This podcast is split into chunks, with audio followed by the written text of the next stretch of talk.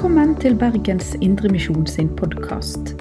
For mer informasjon om oss, besøk oss på betlehem.no, eller finn oss på Facebook og Instagram der som Bergens Indremisjon.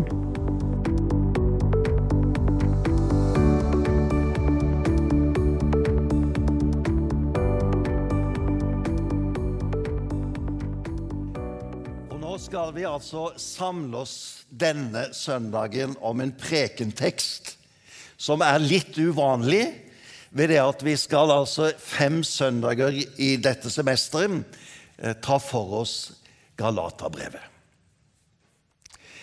Det, har, det skjer ikke på en vanlig gudstjeneste rundt omkring at de gjør det på denne måten, men den friheten har vi til å kunne gjøre det. Og jeg anbefaler dere å bruke denne høsten til å bli kjent med Galaterbrevet. Da skal du lese kapittel for kapittel, så skal du lese det i sammenheng, og så skal du studere avsnitt for avsnitt. Og så skal du se at dette er på en måte som en kilde som hele tiden veller frem med ny innsikt, ny kunnskap, og i den grad vi greier å anvende den kunnskapen på vår eget liv og i vår egen situasjon, så blir det en rikdom for livet. Nå er det ikke mange kommentarer til Galaterbrevet som finnes på norsk. Men vi har en i Bibelselskapet, og du som ønsker litt mer sånn grundig innføring, skulle da ta og skaffe deg den Galaterbrevskommentaren i Bibelverket. Den er nok gått ut ifra forlaget, så du må kanskje på Kristelig bokhandel og se om de har noe fra antikvariatet der, og du kan finne den igjen. Og så er det kanskje noen som har den. Kanskje noen foreldre eller besteforeldre har den i hylla si den gir også en hjelp til å komme inn i dette. Så vil disse fem samlingene, fem gudstjenestene, gi et innsteg i dette. Og vi skal altså konsentrere oss om deler av det første kapittelet i dag. Ehm, og dere kan få fem spørsmål i etterkant som dere kan ta med dere, og så kan dere grunne på de spørsmålene. Og så kan du lese kapittel 1 og se om du får noe svar der. Og kanskje jeg også har gitt noen svar som du kanskje kan repetere. Vi ber. Vi takker deg, Herre Jesus, fordi at vi får samles i ditt navn. Og nå ber vi, Herre, om at du må øse utover oss av din nåde og kunnskap, slik at vi lærer deg å kjenne, og at vi i stor frimodighet kan gå inn i den oppgaven som du har kalt oss til, og gjøre deg kjent for hele verden. Hjelp meg til å bære frem dette som er ditt ord, på en slik måte at det blir både forståelig, og at Den hellige ånd kan overbevise oss og forankre oss i dette som er ditt ord. Amen. Brevet til denne menigheten i Galatia er altså skrevet til noen menigheter som Paulus grunnla i et område som heter Galatia. Det er i dag en del av Tyrkia, så du finner det på en måte midt i Tyrkia. Og så skriver han dette brevet etter at han har grunnlagt menigheten, og han har besøkt den. Og så har det kommet noe inn som gjør at det blir nødvendig for han å skrive dette brevet. Og dette brevet, Galaterbrevet, er det vi kaller et kampbrev. For ingen steder i Paulus sin brever finner vi et slikt engasjement som i dette brevet. Han er opprørt. Hele hans sinn er i bevegelse, og han bruker sterke ord.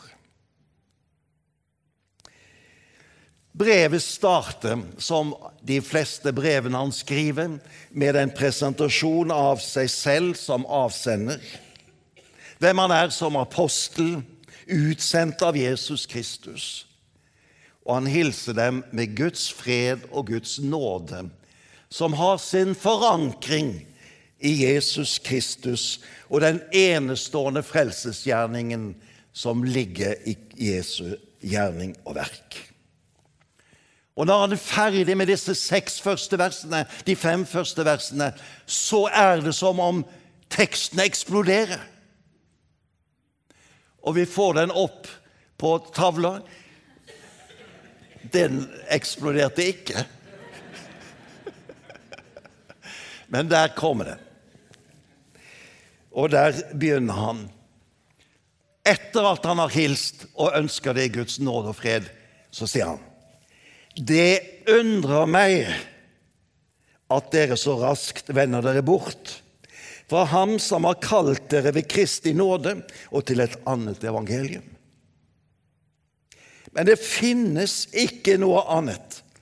Det er bare noen som forvirrer dere og vil forvrenge Kristi evangelium. Men om vi selv, ja, om en engel fra himmelen skulle forkynne dere et annet evangelium enn det vi forkynner dere, forbannet være Han. Vi har sagt det før, og jeg gjentar det nå. Hvis noen forkynner dere et annet evangelium enn det dere har mottatt, forbannet være Han. prøver jeg nå å bli anerkjent av mennesker eller av Gud? Vil jeg bare være mennesker til laks? Var det fremdeles mennesker jeg ville være til laks, da var jeg ikke Kristi tjener. For jeg kunngjør for dere, søsken, det evangelium jeg har forkynt, er ikke menneskeverk. Jeg har heller ikke mottatt eller lært av noe menneske. Nei, det var Jesus Kristus som åpenbarte seg for meg. Det er sterke ord. Først anklager han disse predikantene som har kommet på besøk, de forvirrer dere og forvrenger Kristi evangelium. Og Dernest forsterker han det hele med noen tenkte, hypotetiske situasjoner. Ja, skulle jeg selv komme tilbake og forkynne et annet evangelium enn det dere har hørt av meg, så er jeg forbannet som betyr 'jeg er forkastet av Gud' og under Guds dom til evig fortapelse. Og så fortsetter han. Ja, skulle det komme en engel fra himmelen? Altså en eller annen som kunne påberope seg himmelske syner og forkynne et annet evangelium. Så skal han være som meg, forbannet så sterke ord understreker at det finnes bare ett evangelium. Nemlig det evangelium som de har hørt av ham, tatt imot og kommet til tro ved. Så kan vi spørre hva er det som har skjedd i denne menigheten, siden det blir så satt på spissen som dette? Jo, der kommer noen utsendinger fra Jerusalem som representerte et opposisjonsparti i denne menigheten her. De aksepterte at Jesus var Messias. Og de anså at det messianske riket var i ferd med å bryte frem.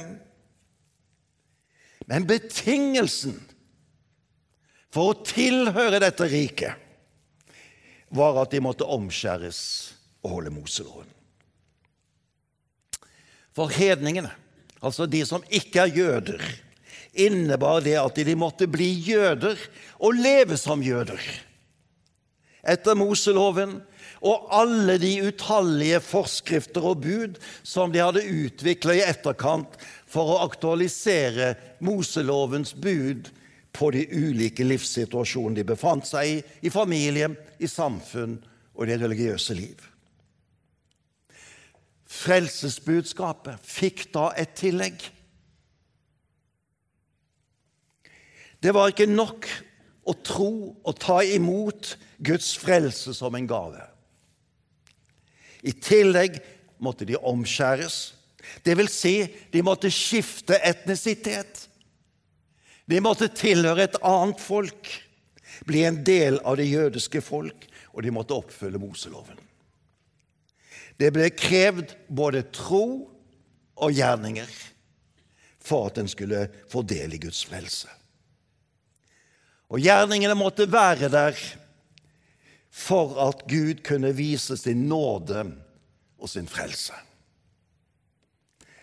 Det er ikke vanskelig da å forstå at en slik forkynnelse skapte forvirring blant tilhørende. De var endatil sendt ut fra Jerusalem, der hvor det hele startet. De måtte jo ha en autoritet. Men innholdet skapte bare forvirring. For det innebar at det evangeliets klarhet som hadde fulgt Paulus sin forkynnelse, gikk tapt. De satt igjen med forvirring. De brukte de samme ordene evangelium, Jesus, frelse, Messias osv., men fulgte ordene med et annet innhold. Og dermed satt igjen der som forvirrede tilhørere. Derfor er spørsmålet om evangeliets innhold og klarhet så avgjørende for oss, og slik det var den gang. Hva er evangeliet? Hva er innholdet i evangeliet? Så grunnleggende og fundamentalt er det spørsmålet. Evangeliet er budskapet om de enestående nyhetene om Guds frelse. Og det evangelium Paulus hadde forkynt, hadde en klarhet og en pålitelighet som gjorde at alle som hørte det, kunne forstå hva som ble sagt, og bli utfordra. Evangeliet var ikke hemmelige formler for innvidde, men evangeliet utfordret tilhørende. For det angår hele fundamentet for livet. Derfor ble evangeliet ofte møtt med motstand, fordi det utfordrer slik. Men klarhet var nødvendig. Evangeliet var ikke oppdiktede eventyr, dikt og fanteri, men det var bærer av et pålitelig budskap, en pålitelig sannhet. Beskrevet av de som var der da det skjedde. For evangeliet forholder seg til historiske begivenheter som er beskrevet med kjente ord og begreper. Og disse begivenheter er omtalt og gjenfortalt slik at av de som så og hørte det, slik at også vi får kjennskap til det. Alle de som var der, disiplene som omgav ham, de var vitner. De var vitner til det enestående som skjedde, og betydningen av det. Kunnskapen om hva som skjedde, var helt avgjørende for at de skulle vite hva frelse var, og hvem Jesus var, og hva han gjorde.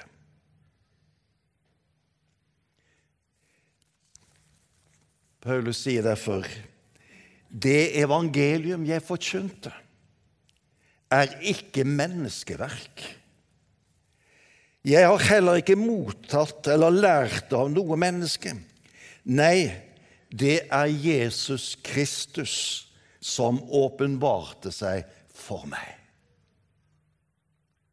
Det er evangeliets pålitelighet. Dette trenger stadig vekk å repeteres. Vi trenger å si det til hverandre fordi at dette evangelium er gjennom hele kirkens historie blitt angrepet. Misbrukt, omtolket og forvrengt. Bak all denne forvirrende virksomhet står Guds egen motstander.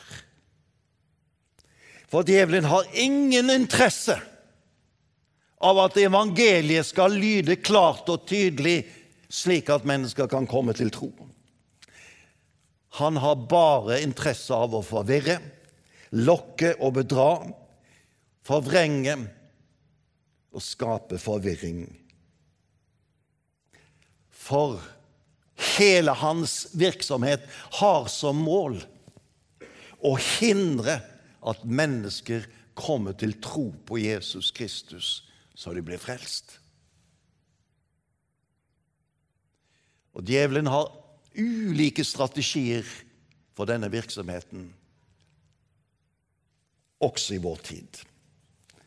Så derfor, la meg repetere hva evangeliets klarhet går ut på. Først evangelium har et sentrum i Jesus Kristus. Hans liv og hans oppstandelse. Det er historiske begivenheter. Tidfestet og stedfestet. Og de er beskrevet av de som var øye- og hørevitner, som var utvalgt og utrustet med sikte på at de skulle være vitner for Jesus.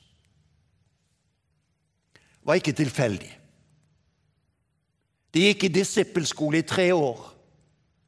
Lærte utenat. Og den gang hadde man regler for hvordan man kunne lære ting utenat. Ikke slik som i dag på skolen, som gjør at vi nesten ikke kan noen ting utenat. De husker lange avsnitt, lange taler, og gjengir det for oss. Dernest betydningen av Jesu døde oppstandelse. Hvorfor døde han? Hvorfor sto han opp igjen? Det er betydningen av denne historiske begivenhet. Jesu korsdød, hans død, er en soningsdød. Han dør på grunn av synden og Guds dom over synderne. Dersom Jesu korsdød males ut på en annen måte enn som et soningssted, er det ikke lenger evangelium. Da er det en beretning om en martyr,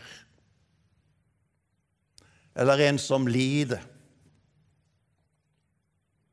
Men budskapet i evangeliet forteller at han som selv var uten synd, var villig til å gå i menneskers sted for å sone og dø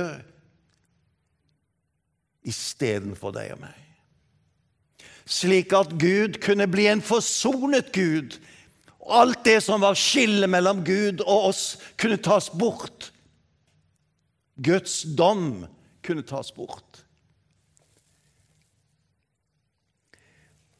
Og når Gud reiser han opp igjen på den tredje dagen, bekrefter han at denne soningsdøden er akseptert som det eneste frelsesgrunnlag for mennesker.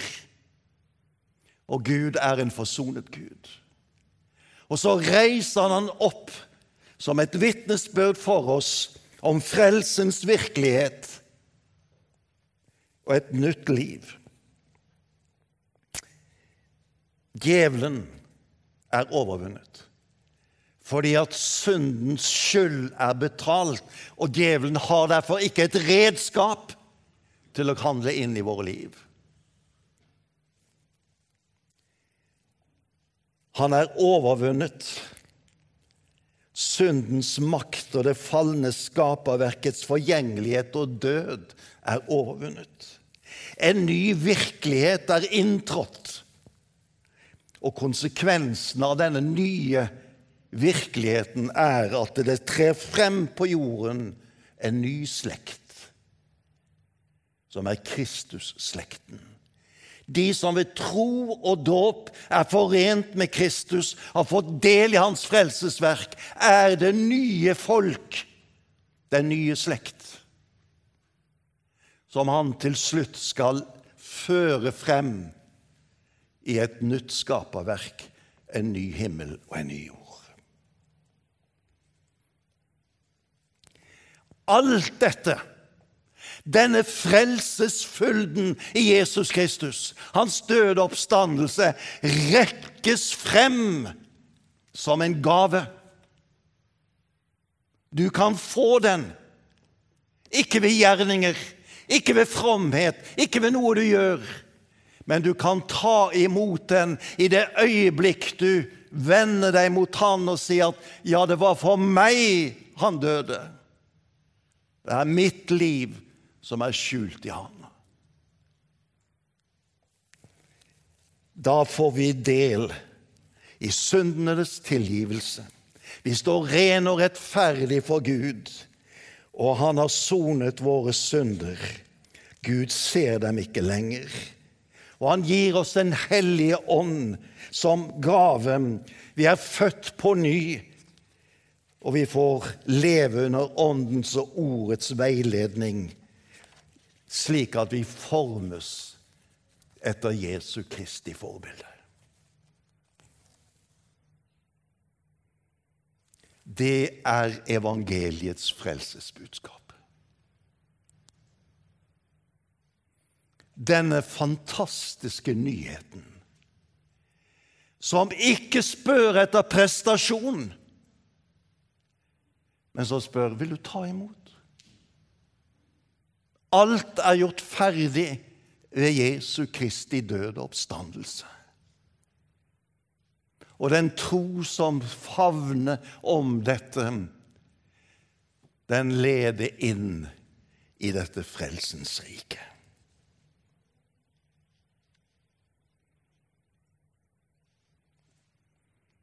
Hva er faren hvis dette forvrenges? Det var jo det Paulus opplevde. At det budskapet han hadde forkynt for dem, mister sin klarhet ved det at andre begynte å forkynne på en annen måte, andre ting og andre krav.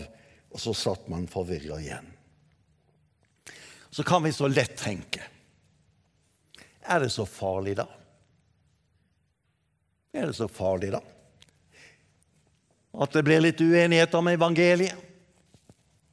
Det er jo bare ord. Og ord kan bety så mye forskjellig. Og Slik er det voldsomt lett å tenke i vår tid. For vi lever under kultur, en kulturell mentalitet som gjør at det aller meste blir subjektivt. Det blir meninger. Det blir noen opplevelser. Og så mister en den substansen som evangeliet har. Og når evangeliet mister sin substans, og når sinnet blir forvirra, da mister troen sitt feste i det som bærer i liv og i død, nemlig Jesus Kristus. Og dette Paulus var så livende redd for. At de skulle miste frelsens gave. At de skulle komme ut på en forvirrende vandring. Og så gikk de fortapt. Derfor er det nødvendig at evangeliet har den klarhet som gjør at Jesus Kristus blir beskreven, malt for ens øyne, som frelser og herre. I samsvar med det som faktisk skjedde i hans liv.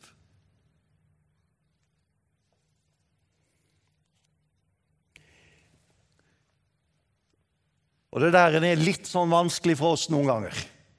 Nettopp fordi at vi lever under dette voldsomme subjektive opplevelsespresset. For i opplevelsene blir det utydelig. De er alltid subjektive. Og så mister man denne forankringen i det objektive, som står fast til alle tider, som er en sannhet som er pålitelig. Paulus sier det slik i Romerbrevet, akkurat denne sammenhengen mellom tro og forkynnelse. I Romerbrevet kapittel 10 sier han følgende.: Vær den som påkaller Herrens navn, skal bli frelst. Og så kommer det. Men hvordan kan de påkalle en de ikke tror på? Hvordan kan de tro på en de ikke har hørt om? Og hvordan kan de høre uten at det er noen som forkynner? Det er en sammenheng mellom budskap, tro og påkallelse av Herren til frelse. Det må lyde et budskap med et innhold som samsvarer med det Gud har gjort for å frelse oss.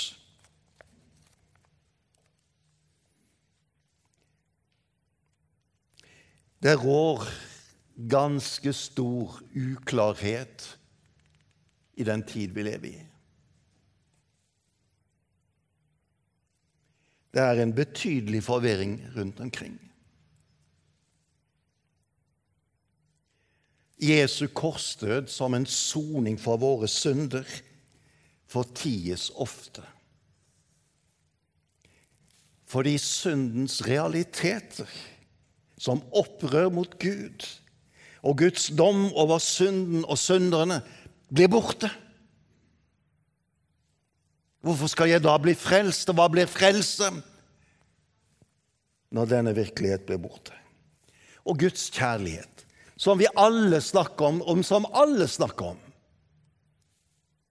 omtolker på en måte Guds kjærlighet slik at vi sitter igjen med en Gud som er snill, omtrent som en glemsom bestefar som tolererer det meste.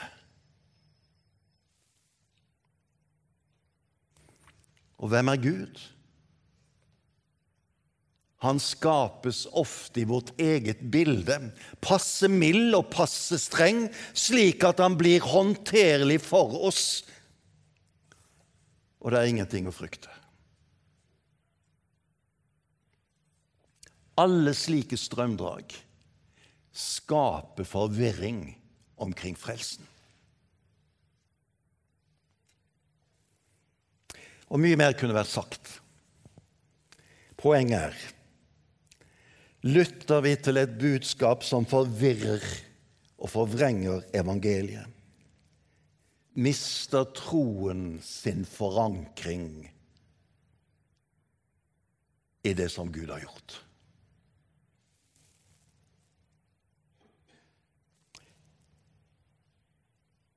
Det kristne budskapet om Guds frelse i Jesus Kristus blir da omtolket og forvrengt til menneskemeninger og menneskeverk. Frelsen blir mitt prosjekt og ikke Guds gave. La meg avslutte. Paulus opplevde den situasjonen som menigheten i Galatia var kommet i, som smertefull. Sårt når han trengte på de han hadde vært med på å føre til Jesus Kristus, som nå hadde begynt å lytte til et annet evangelium. Han måtte skrive for å veilede.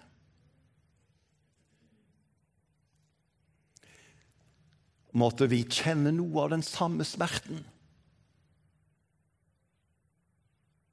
Med sikte på den tid vi lever i.